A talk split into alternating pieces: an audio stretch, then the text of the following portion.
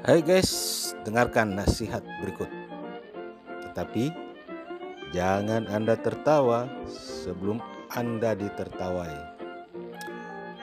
Hidup itu adalah perjuangan. Hidup harus tetap tegar, tetap bertahan, dan harus survive. Belajar dari bulu ketek. Sekali lagi saya katakan, belajarlah dari bulu ketek. Walaupun selalu terhimpit, tetapi tetap tegar, bertahan, dan tetap tumbuh.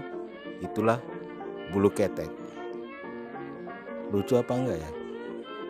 Kalau nggak lucu, gua aja yang ketawa dah.